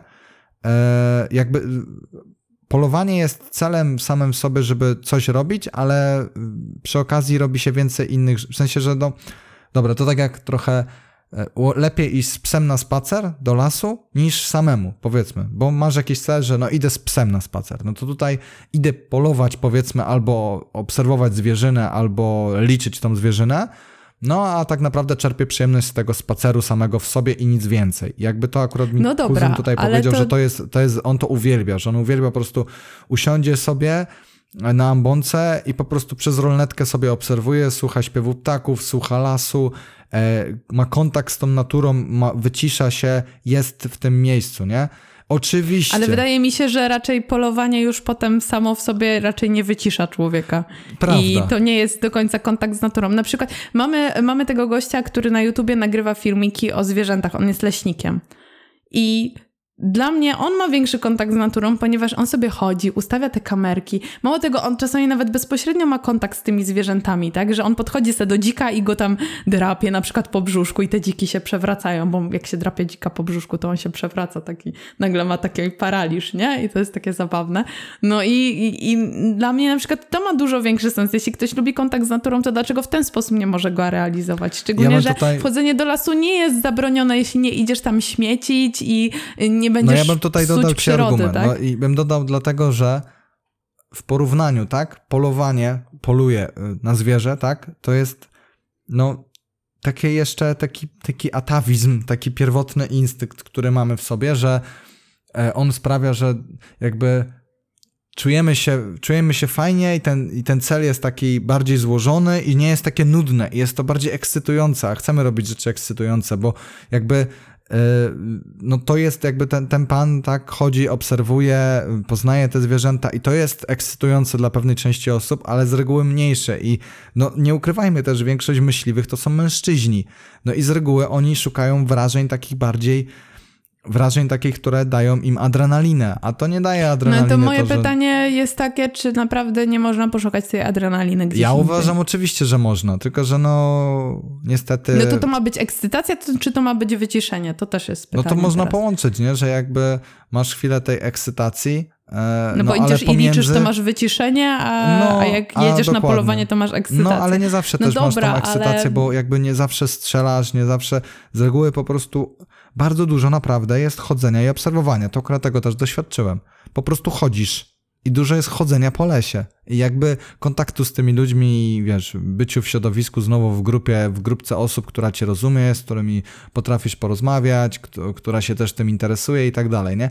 Jakby y, polowanie jakby za każdym razem się kończyło bardzo dużym, mm, bardzo dużym sukcesem, to naprawdę byśmy mieli mniej. Naprawdę byłoby, naprawdę byłoby, by spełniało swój cel, jaki ma spełniać, czyli jakieś regulacje gatunków i rzeczywiście byłoby mniej dzików, nie? Na przykład, nie? Jeżeli by było takie skuteczne zawsze, nie? Z reguły jest nieskuteczne i kończy się fiaskiem i tym, że chodzisz po tym lesie i, i spędzasz dwie godziny, trzy godziny, cztery nie upolując nic i tylko widząc te dziki, które uciekają, nie? To ja wolę polować na grzyby. No wiadomo, nie? Tylko, że właśnie, nie? To nie jest takie Może nie jest to takie no. ekscytujące. A jak już tak, znajdziesz ale- tego grzyba, to do niego nie strzelisz. A tam masz tą okazję, że strzelisz i tutaj... No ale masz takie, wiesz, mam cię i teraz zbieram i... No dobra, okej, no, no okej, Tak, to no nie bez po- powodu mówi się, że ty- ty emocje jak na grzybach, nie? Tak, ty no, jak na grzybobranie. No, ty, ty, tak, ci mogę powiedzieć, ty złodzieju zabierasz jedzenie y, zwierzętom. Ty kurde, ty jesteś gorsza niż ty myśliwi. No, zabijasz ich powoli, zabijasz je powoli, bo im grzybki zabierasz. A tam pewnie jakieś zwierzaki jedzą grzybki. No, e, ale no kurde, jakby i tak uważam, że no ostatecznie rzeczywiście będzie tak, że no trochę robi się to do podbicia tego swojego ego. Oczywiście, że ale no tak jak powiedziałeś, można iść do lasu, robiąc coś innego i jeżeli naprawdę prawdziwym celem jest wyciszenie się i tak dalej, to po prostu idź do lasu, weź sobie łuk, jak tak bardzo lubisz i strzelaj sobie do gałęzi, nie? Jakby i to będzie dopiero pierwotne, nie? I tak sobie chodź po tym lesie, weź sobie psa i No spoko, mi się nie? wydaje, że po prostu to jest dorabianie filozofii do czegoś, co ktoś lubi robić, albo sprawia mu w jakiś sposób satysfakcję, albo no nie wiem, no, ma jakieś inne powody, tylko dorabiają do tego filozofię, żeby, yy, że, że właśnie no to spełnianie swoich instynktów może też jakby powoduje jakieś tam zaspokojenie. No i, i to jest tylko filozofia dorobiona do czegoś, żeby to po prostu lepiej brzmiało. To już któryś jest przykład takiej rzeczy, którą z którą się spotykam gdzieś tam w swoim życiu. Teraz ciężko mi przywołać jakiś inny przykład, ale pamiętam, że, że, że kiedyś o czymś miałam podobną myśl, że właśnie to jest taka filozofia, która oficjalnie tak brzmi, ale prawda jest taka, że każdy gdzieś tam myśliwy, gdyby się siebie tak szczerze zapytał i nad tym zastanowił, no to sobie odpowie, dlaczego, dlaczego chodzi na polowanie i raczej nie ma to ani nic wspólnego z jakąś super regulacją e, populacji, ani tak naprawdę z dbaniem o środowisko, czy, czy o to, żeby nam dziki do, do, do, e, do domów nie wchodziły, bo ja nie widziałam nigdy tutaj, żeby e, jakiś, e, jakiś e, myśliwy chodził po żurawińcu i strzelał tutaj do dzików. No, No bo, bo to te może. dziki tutaj nam wchodzą, No ale nie? to nie może. No ale to tak, wiesz, tak, no. No, znaczy, ciekawą rzeczą jest to, że w ogóle jadłeś kiedyś lisa? nie. No, a, a pani mówiła, że mięso lisa się, to znaczy mięso się nie marnuje, które zostaje pozyskane, tutaj robię cudzysłów, e, bo tak mówią myśliwi, pozyskane e, mięso jakby się nie marnuje. No i ciekawą rzeczą jest to, że ja w sumie nie spotkałam się z tym, żeby jeść lisa, a na lisa się poluje. A futro? E, jednym z... Ar- no tak, no ale ja mówię o tym, że pani powiedziała, że mięso się nie marnuje. A, okej. No i... Nawet nie e, widziałem, że można zjeść gdzieś lisa. W sensie, że nie widziałem nigdzie w No właśnie, no dlatego ja się pytam, czy słyszałeś kiedyś o tym, żeby, Nie. czy jadłeś, czy może, może wiesz o Nie. tym, że się gdzieś je lisa. Więc to, to takie ciekawe, ciekawe, że mięso się nie marnuje, a jednak tutaj, proszę bardzo, lisa się, e, na lisa się poluje, a się go nie je. Mm, No i mówi się o tym, że lis, e, lisa się wybija dlatego, że zjadano ptaki. E, zjada jajka, zjada ptaki, e, a ciekawą rzeczą jest to, że e, ptaki i jajka stanowią jakieś 9% y, całego menu lisów, całego pożywienia. To, to, to tylko jest 9% tak naprawdę, nie? Więc więc to, to jest dosyć interesujące. Mało tego. mm, A co jedzą w większości? Wiesz co, o kurde, nie pamiętam. Nornice, jakieś, jakieś gryzonie, wiesz? Tam było o nornicach, było o, Robale o chyba też? myszach, robaki jedzą. e, No generalnie nie żywią się kurami ani takimi rzeczami. No wiadomo, no, że się zakratają, ale wydaje mi się, że to bardziej ma, ma miejsce gdzieś tam e, w okolicach zimy, kiedy ciężej jest znaleźć to pożywienie. No to łatwiej jest mu zakraść się do kurnika, gdzie to ży- pożywienie ma prawie na talerzu podane, nie? Mm, no, a, y, ale inną taką myślą ciekawą, to, to też Everyday Hero miał, że no dobra, to zabija się te lisy, żeby nie polowały na ptaki, a potem poluje się na ptaki, żeby wyregulować ich populację. Bo no, lisy nie jedzą tylko kur, naszych tam z kurnika, tylko generalnie mówi się o tym, że one polują na ptaki, czyli takie też wolno żyjące w lesie, nie? No, czyli do No teraz- filozofii, no jakby. A to, że tysiąc lat temu lisy też polowały na ptaki i nikt ich tak nie wybijał, bo nie było tyle ludzi i tylu myśliwych, no to... Chociaż nie, no, No, tysiąc może nie, ale no dwa tysiące. Jeszcze może taką ostatnią rzeczą, którą, którą chciałam się podzielić, bo w sumie nie wiedziałam o tym wcześniej. Wiesz, co to jest polowanie dewizowe? Nie mam pojęcia. To jest jak e, to była sugestia, że jeśli brakuje ci pieniędzy, to można coś takiego zorganizować. Mm, wygląda to w ten sposób, że ściąga się myśliwych z innych krajów, którzy A, płacą dobra. kupę No, hajsu no, za kojarzę. to, żeby móc polować u nas. Wydaje mi się, że tam akurat przykładem byli myśliwi z Danii. Ja nie wiem, jak wygląda, jeśli chodzi o regulację w Danii e, polowań, ale być może chodzi o to, że myśliwi, którzy gdzieś tam chcą realizować e, swoją regulację e, i No dobra, dobra, populacji. dobra, i- nazwijmy to, nazwijmy to. Po prostu chcą podbijać swoje ego i chcą realizować swoją pasję w postaci Chodzi, zabijania chodzi zwierząt. generalnie o to, że te polowania dewizowe są, mm, są po to, żeby też nabić sobie kasę, bo ci myśliwi, którzy przyjeżdżają, to płacą kupę hajsu No za to wiadomo, mięso. No wiadomo. E, nie, nie wiem dlaczego, nie wiem dlaczego oni płacą więcej. Być może jeśli ktoś jest z zagranicy, no to musi jakby więcej zapłacić za mięso, które sobie zastrzelił, tak? E, Albo po mm, prostu tak. inkasują więcej, no bo ej, no nie ukrywajmy. Tu euro, tu jakieś tam... No, być może jest tak, że na przykład jak masz, jak masz myśliwych z Francji, gdzie zakazane są strzelania, no to oni po prostu przyjeżdżają do innych krajów, No gdzie i to mogą jest dopiero taka nie? elita creme de la creme, bo muszą mieć na pewno dużo pieniędzy, a, a chcą No na przecież pewno muszą mieć du- swoje... dużo pieniędzy, bo to grube, grube tysiące A pewnie chcą lecą, przecież nie? realizować swoje y, cele w postaci regulacji gatunków, bo we Francji nie mogą, bo im zabronili. No jak nie mogą regulować No. u siebie, to będą, spełnią swoją misję i wyregulują nam na przykład. No. Powinniśmy im za to dziękować, że dziękuję. przyjeżdżają. A to widzisz, oni jeszcze No. nam muszą płacić. To szalone jest w ogóle. No nie wiem, jak tak sobie myślę o tym, to w ogóle, mm, tak jak mówiłeś o tym kontakcie z naturą i tak dalej, wyobraź sobie, że na przykład y, chodzilibyśmy teraz na stajnie i strzelali tam do koni i mówili, że chodzimy No tam po to, żeby mieć kontakt z trochę- naturą. trochę to dla mnie to jest takie średnie w ogóle. Po, iść do lasu, żeby mieć kontakt z naturą, po czym samemu zabijać tą naturę. Znaczy, trochę. no, fajnie, nie, fajnie, fajnie, że jest rzeczywiście ten argument tego kontaktu z naturą i że może wielu myśliwych rzeczywiście tak ma, ale to po co iść krok dalej, nie? W sensie to zatrzymaj się człowieku, nie wiem, okej, No, idź na no te znajdź sobie kursy, dowiedz sposób, się nie wiem, rzeczy, no. to fajne, no dobra, no dowiesz się więcej o lesie, dowiesz się więcej o środowisku, super. To ja ale to zatrzymaj się na, na tym. na przykład na taki, y, na taki spacer z takim leśnikiem, który na przykład zabierze mnie w No. jakieś miejsca i pokaże mi, o zobacz, tutaj sobie dziki leżą, nie? No, no, No, I takie prawdziwe nie poznanie wiem, i obserwowanie tej natury i zroz- zrozumienie jej, nie? A nie Tak, robienie mi się, że zamachu stanu na nią tak naprawdę i w- wiecie. mam no. wrażenie, że, Najazd. że właśnie to, co powiedziałeś, że, y, że mało myśliwych tak naprawdę do końca rozumie naturę, rozumie te zwierzęta.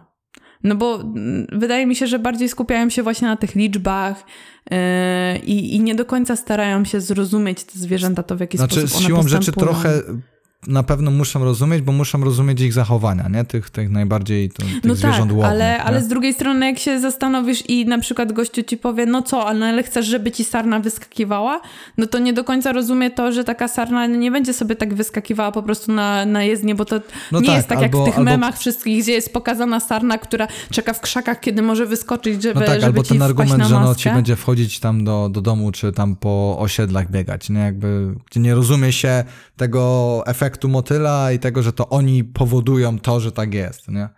Tak, no. bo dziki by nie wchodziły na nasze terytorium, gdyby ich było mniej, bo by miały wystarczająco dużo pożywienia w swoim naturalnym środowisku To po nie pierwsze, a po drugie- żeby grzebać w śmietnikach. A po drugie, no sorry, jeżeli, no przepraszam, ale jeżeli człowieku y, budujesz albo mieszkasz, albo cokolwiek się koło lasu, no to sorry, no jakby las się ma wyprowadzić gdzie nagle, nie? Jakby, no jeżeli mamy osiedle właśnie koło lasu, to no to wow, szok, niedowierzanie. Musimy się spodziewać, że będą się pojawiać zwierzęta z lasu tutaj, no, no bo my tu weszliśmy, tak? Tu prawdopodobnie, gdzie mieszkamy, to nie wiem, 300 lat temu był las, nie? No tak, i, i interesujące dla mnie jest na przykład też to, że jak chodzę sobie tak zimą e, z psem tutaj do żurawińca, no to nie jest taki typowy las, ale jednak już coś związanego z lasem jest. Żyją tam dziki, sarny i w ogóle, bo widziałam nieraz. E, I idę sobie tak ścieżką i idą inni ludzie też tą ścieżką, nie? Jest taka dosyć ładna pogoda i sobie ludzie tak wyszli na spacer wszyscy.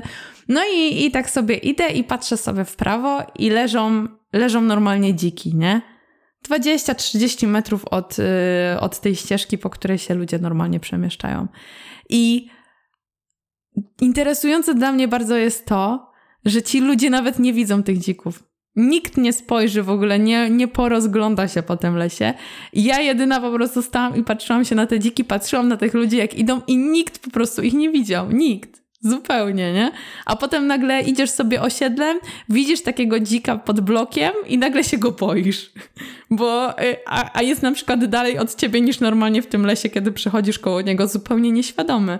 A ile jest takich sytuacji, kiedy jeszcze latem czy jesienią, kiedy są liście na drzewach, są liście na krzakach, gdzie te dziki są najprawdopodobniej bardzo niedaleko nas, a my ich i tak nie widzimy, bo, bo po prostu są gdzieś w krzakach. I tak naprawdę są bliżej i mogłyby stanowić większe zagrożenie, jeśli ktoś tak rzeczywiście uważa, że one są zagrożeniem dla nas, niż w przypadku, kiedy, kiedy mijasz je gdzieś z daleka na osiedlu, nie?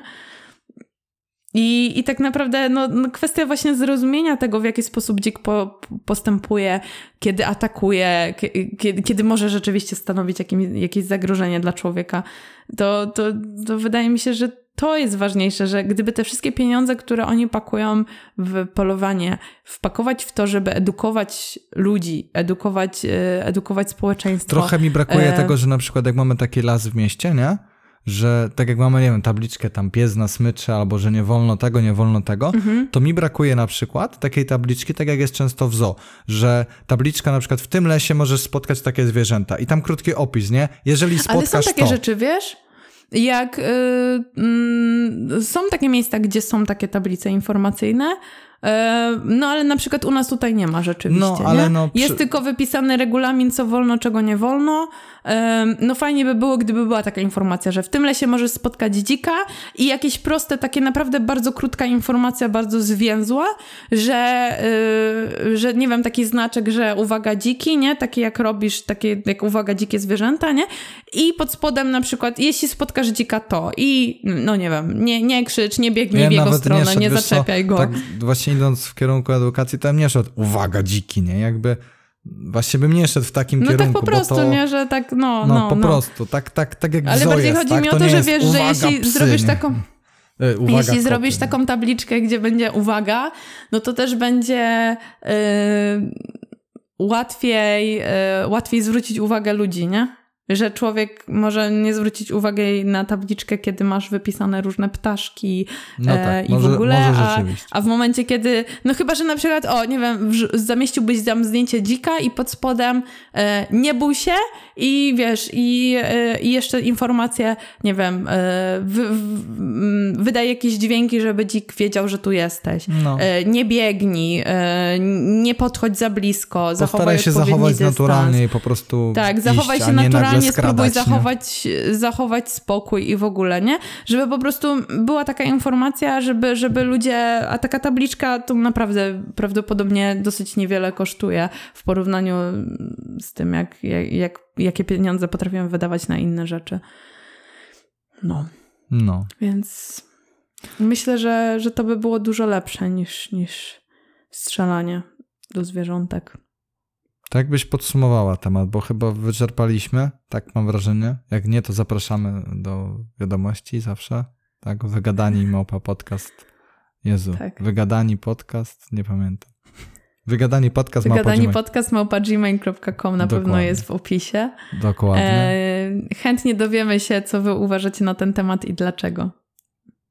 Tak. tak. Czy się zgadzacie, czy nie, jesteśmy otwarci na, na kontrargumenty. Tak, dokładnie. Dokładnie. Może jest jakiś argument, którego my tu nie poruszyliśmy, a, a też warto by było. Też wydaje mi się, powiedzieć. że poszliś, po, podeszliśmy z każdej strony. Nie? No, próbuję cały czas znaleźć takie argumenty za i jak obronić. Tak, no, no, jedyne co mi przyszło do głowy to właśnie ten kontakt z naturą i że chociaż fajnie, że chociaż coś y, i może jest część myśliwych, która się nawróci, albo która na przykład nie dąży do tego, żeby polować, tylko zatrzymuje się na tym etapie liczenia i bycia takim wsparciem takim bardziej mhm. e, merytorycznym, Ale a nie to trochę tak jak e, mówi się... E, praktycznym. To, to, to, z kolei taki argument e, podważający mógłby być taki, że mm, no niby tak, ale należy do tej grupy. Więc w jakiś sposób wspierasz no, tą tak, grupę. No, Płacisz tak. składki, e, jeździsz na te polowania, jesteś w tej grupie, to trochę jak z kościołem i z tym, że mówi się o apostazji, tak? Że no okej, okay, ale dopóki jesteś katolikiem, jesteś zapisany do kościoła, no to jakby oni mogą mówić, że jesteś i, i koniec, nie? No i, i wiesz, i jakieś wsparcie niby tej instytucji dajesz. No to jest No tak, no bo z drugiej strony tak trzeba, naprawdę. sobie, trzeba sobie zadać pytanie, jeżeli naprawdę e, ostatecznym celem kogoś jest samo chodzenie po tym lesie, tak? I jakby powiedzmy, Mhm. powiedzmy, za, założę taki scenariusz, że była droga kogoś taka, nie? Taka jakby No. była moja, że trochę się tym jarałem jako dzieciak, tak powiedzmy. Zacząłem chodzić na te nagonki, zacząłem Mhm. dokształcać się jako myśliwy, zrobiłem sobie pozwolenia i w ogóle, i w ogóle. No i ostatecznie gdzieś tam następuje we mnie rozwój intelektualny, moralny i w ogóle i okazuje się, że ostatecznie nie chcę zabijać, tak? I jakby chodzę do tego lasu z innego powodu i, i zatrzymałem się na tym etapie na przykład sobie tych, tych rzeczy dobrych, tak? Tych właśnie Mhm, mhm. nie, nie dochodzi do czynów takich złych, nie? Eee, no i, i uważam, no tylko, że problem jest taki, że już nie odejdziesz od tej grupy. Jeżeli już w tej grupy byłaś, to ciężko ci będzie odejść, no bo trzeba by, nie wiem, samemu się teraz odłamać tak naprawdę i zacząć to robić albo samemu, albo, nie wiem, zalo- założyć jakąś podgrupę ludzi, która właśnie to robi, albo być leśnikiem, albo wspierać właśnie leśniczych, nie? A może oni nie są tacy fajni, nie? Więc to już jest później takie przyzwyczajenie, że się jest w pewnej grupie ludzi, w pewnym środowisku, w którym ma się akceptację, w którym ma się kumpli, ma się znajomych i to nie jest takie proste wyjść z tego. To tak jak z tym kościołem właśnie, co wspomniałaś, nie? że to nie jest takie No proste, tak, tak. nawet jak się z tym nie zgadzasz z wszystkim, to nie jest takie proste nagle opuścić to środowisko, jeżeli się tam x czasu na przykład z tym zgadzało, nie? A teraz trzeba tak naprawdę by stanąć, stanąć trochę oporem i powiedzieć nie, ja się z tym nie zgadzam, na przykład ja będę promował tutaj e, pozytywne, pozytywne tylko wzmocnienie e, w postaci tego, że natura super i że będę się tylko dokształcał i będę innych ludzi też tego uczył, nie? No to trzeba by trochę, wiesz, no trochę się przeciwstawić, a to, że ktoś już poszedł do tej grupy i na przykład jest w takiej grupie osób, no to nie ukrywajmy, to z reguły są ludzie, którzy bardzo prosto patrzą na świat i nie, nie mają takich rozterek i jakby nie zastanawiają się nad tym i bardzo często już to robią, bo to robią, bo jest to jakiegoś swego typu odskocznia na przykład, nie? Jeżeli, e, nie wiem, ktoś na co dzień wychowuje, ma dzieci, ma, poznałem pełno takich myśliwych, około 40-50 lat, właśnie wiek średni to jest najczęstszy, najczęstsza, najczęst, naj, naj, największa grupa tych osób, tak? Między 40 a 50 i e, właśnie nie chcą siedzieć w domu, bo mają złe małżeństwo już, mają dosyć tej żony, e, dzieciaki też go wkurzają, ma kijową pracę, bo nie wiem, jest jakimś, tak, ale- e, nie wiem, robi nic tak naprawdę, albo ma pracę, która go wkurza i po prostu e, idzie tam, bo tam się czuje ważny, tam ma fajną grupę, która go klepie po ramieniu, więc to już nie jest takie proste. No, a wiadomo, może też cel dołączenia był wcześniej taki, że właśnie no, ch- chciał to poznać i wiadomo, nikt się nie zastanawiał nad tutaj kwestiami moralnymi, no bo no sorry, No no dobra, nigdy by no nie i zaczął jakby- tego robić, gdyby się zastanawiał nad tym. Ja, ja, ja nie zabraniam takiej osobie gdzieś tam być w takim kółku łowieckim i, i sobie chodzić na te polowania, no ale warto by było się może zastanowić, no z każdej grupy społecznej jest ciężko odejść. Każdą bańkę jest ciężko opuścić, nie? Kiedy, kiedy jesteś w jakimś, jakiejś ekipie, z którą, nie wiem, przyzwyczaiłeś się już być, znasz tych ludzi, no to ciężko jest odejść i zacząć, zacząć sobie, sobie szukać innych znajomych albo, em, nie wiem, albo, albo, albo spróbować sobie znaleźć inną pasję. No jest jakaś pustka, no, no wiadomo, te, te, te polowania i chodzenie po lesie i w ogóle na pewno za, zabierają bardzo dużo czasu. Mm, pewnie, pewnie często y, w jakieś weekendy czy, czy w inne dni się siedzi w tym lesie i, mm, i spędza tam się mnóstwo godzin. No więc na pewno byłaby taka pustka po odejściu stamtąd. No ale po pierwsze taka osoba mogłaby sobie zapełnić to nie wiem, e, na przykład e, chodzeniem po lesie, ale w innym celu, albo spróbowaniem sobie znaleźć czegoś, co jest podobne do tego, albo inne, może, nie wiem, znajdzie sobie inną pasję i innych ludzi, nie? No jakby rozumiem, to nie jest łatwe i bardzo dużo ludzi y, gdzieś tam mimo wszystko nie rezygnuje z takich rzeczy, no bo ju- już po prostu albo z, z lęku, albo z przyzwyczajenia e, gdzieś tam siedzą sobie w takim, e, w takim towarzystwie dalej, e, mimo że może być to niezgodne z tym, mm, co uważają. Mm, no ale uważam, że, że mimo wszystko nasze przekonania są trochę ważniejsze niż to, co myśli nasze środowisko i może jednak warto, e, warto sobie przemyśleć, czy wolimy żyć niezgodnie z tym, jakie są nasze e, przekonania e, i gdzieś tam i gdzieś tam, gdzieś tam może być to wygodne, czy lepiej postarać się o to, żeby te nasze przekonania mogły wybrzmieć i żebyśmy mogli sobie znaleźć może nawet lepszą pasję, zgodną z tym, co my sądzimy. No, tak, tak. To ja. Tak, no jakby wydaje mi się, że jakby, jak najbardziej rozumiem coś takiego, bo sama coś takiego przeszłam, że musiałam gdzieś tam wyjść ze swojego środowiska, ze swojej bańki, gdzie dosyć wygodnie mi się już żyło, ale czy w tej całej niby wygodzie jest naprawdę taki komfort bycia w 100% sobą i komfort takiego, e, bo jedną rzeczą jest taka wygoda, a inną rzeczą jest to, że jednocześnie gdzieś z tyłu głowy masz cały czas taki, taką lampkę, która ci się świeci, że no, chciałbyś robić coś innego, chciałbyś to w inny sposób na przykład yy, realizować, nie? Tą swoją pasję siedzenia w lesie, powiedzmy z jednej strony niby się mówi o tym, że dobra, no chociaż mimo wszystko to, to ci ludzie właśnie tak jak powiedzieli, że siedzą w lesie i mają ten kontakt z naturą, a z drugiej strony właśnie moje pytanie, czy, czy naprawdę nie można by było realizować tego w inny sposób. No bo moją pasją mogłoby być to, że siedzę w lesie, ale uwielbiam ścinać drzewa, w związku z tym zabieram piłę mechaniczną i będę ścinać las. Są nie? tacy. I I, wtedy taka osoba inna mogłaby mi zadać pytanie, ale naprawdę nie możesz tego realizować w jakiś inny sposób, spróbować sobie, nie wiem, chodzić na strzelnicę albo coś tam. No nie wiem, no wydaje mi się, że, że jeśli ktoś lubi strzelać, to można to robić też w inny sposób, poszukać jakiejś innej formy po prostu i tyle. O, są na przykład takie strzelnice, gdzie um, niedaleko tutaj jest właśnie e, taka strzelnica, że ci wyrzucają te dyski i strzela się do tych dysków lecących w powietrzu, nie? To też jest ciekawe, a też musisz jakby mieć precyzję i ćwiczyć sobie, nie? Tak, to, to tyle z mojej strony. To ja chyba nie mam już nic więcej do dodania. To co, jakieś podsumowanie, no. jakoś podsumujesz to? Jesteśmy ciekawi i przynajmniej ja jestem ciekawa, nie wiem jak ty pewnie też, e, czy rzeczywiście e, widać było, że jest jakaś, jakaś zmiana w tej formie? Czy rzeczywiście, e, rzeczywiście widać, że ty musiałeś bardziej iść na żywioł?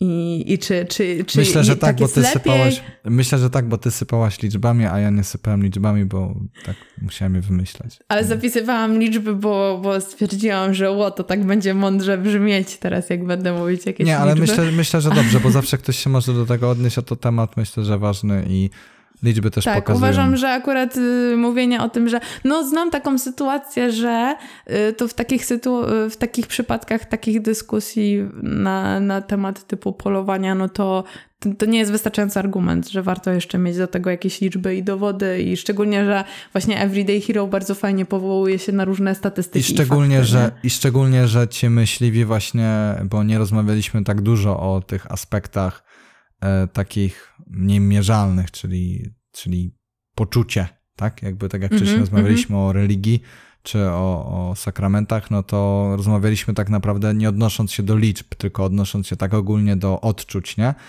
E, tak, a tak, tutaj no. no ci myśliwi argumentują swoje działania e, liczbami, które są na ich niekorzyść tak naprawdę, jeżeli mają jakieś dane, to mają dane nieaktualne albo nieprawdziwe, albo okazuje się, że no, jakby fakty są inne i przeczą temu. Mhm. E, no i uważam, że właśnie to, to może podsumowując, że myśliwi próbując uzasadnić swoje, tak naprawdę uważam, moralne rozterki, jakie związane z tym, że zabijają niewinne stworzenia, próbują wyargumentować, albo nie mają moralnych rozterek, ale po prostu im wstyd wstyd trochę im mhm. przyznać, że po prostu sprawia im to przyjemność. I ja uważam, że to by była dojrzała postawa, ale po prostu przyznanie.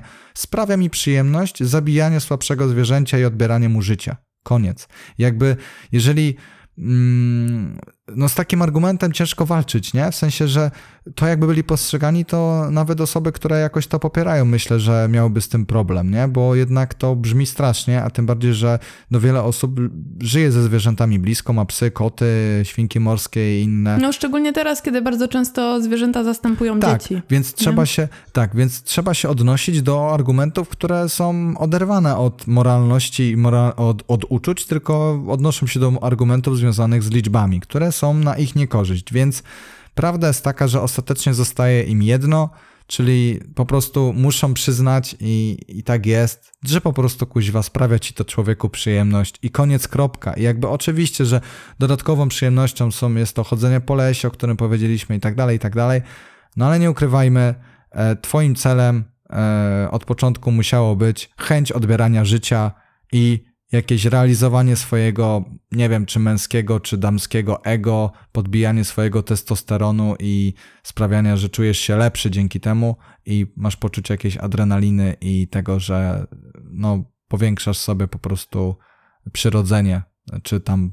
Ale być kobieta, może jest wiem, coś, o czym ty siły. nie wiesz na przykład, a nie usłyszałeś tego argumentu nigdy wcześniej. Tak, ja przykład. właśnie tak. Ja bardzo bym chciał ten argument, bo argument z liczb, żaden już, każdy będzie inwalidą, ale ja bardzo chętnie bym usłyszał taki argument, naprawdę, jeżeli nawet słyszeliście, albo nie jesteście myśliwymi, ale usłyszeliście taki argument, który jest, ni- wynika bardziej z odczuć i który jakby jest, no ktoś potrafi naprawdę to obronić, nie? Jakby tą taką moralność tych czynów. To ja jestem otwarty. Bardzo. Chętnie usłyszę. Myślę, że takiego nie ma, ale Dziękujemy Wam, jeśli dotarliście do tego momentu, bo podcast naprawdę nam wyszedł dosyć długi. Myślę, Ale bardzo że... merytoryczny, myślę. Tak, tak. Wydaje mi się, że, że bardzo fajny, e, fajny temat e, i, i dużo rzeczywiście można by było o tym jeszcze pewnie mówić. Mm, Więc dziękuję bardzo wszystkim wytrwałym. Jest to dla nas naprawdę bardzo ważne, jeśli dostajemy feedback, że coś Wam się podobało i, i że to, co robimy, jest fajne. E, Więc, więc czekam oczywiście na wszystkie, wszystkie komentarze, wszystkie uwagi, e, sugestie. E, Bardzo chętnie się do tego odniesiemy albo, albo sobie o tym chociaż przegadamy to między sobą.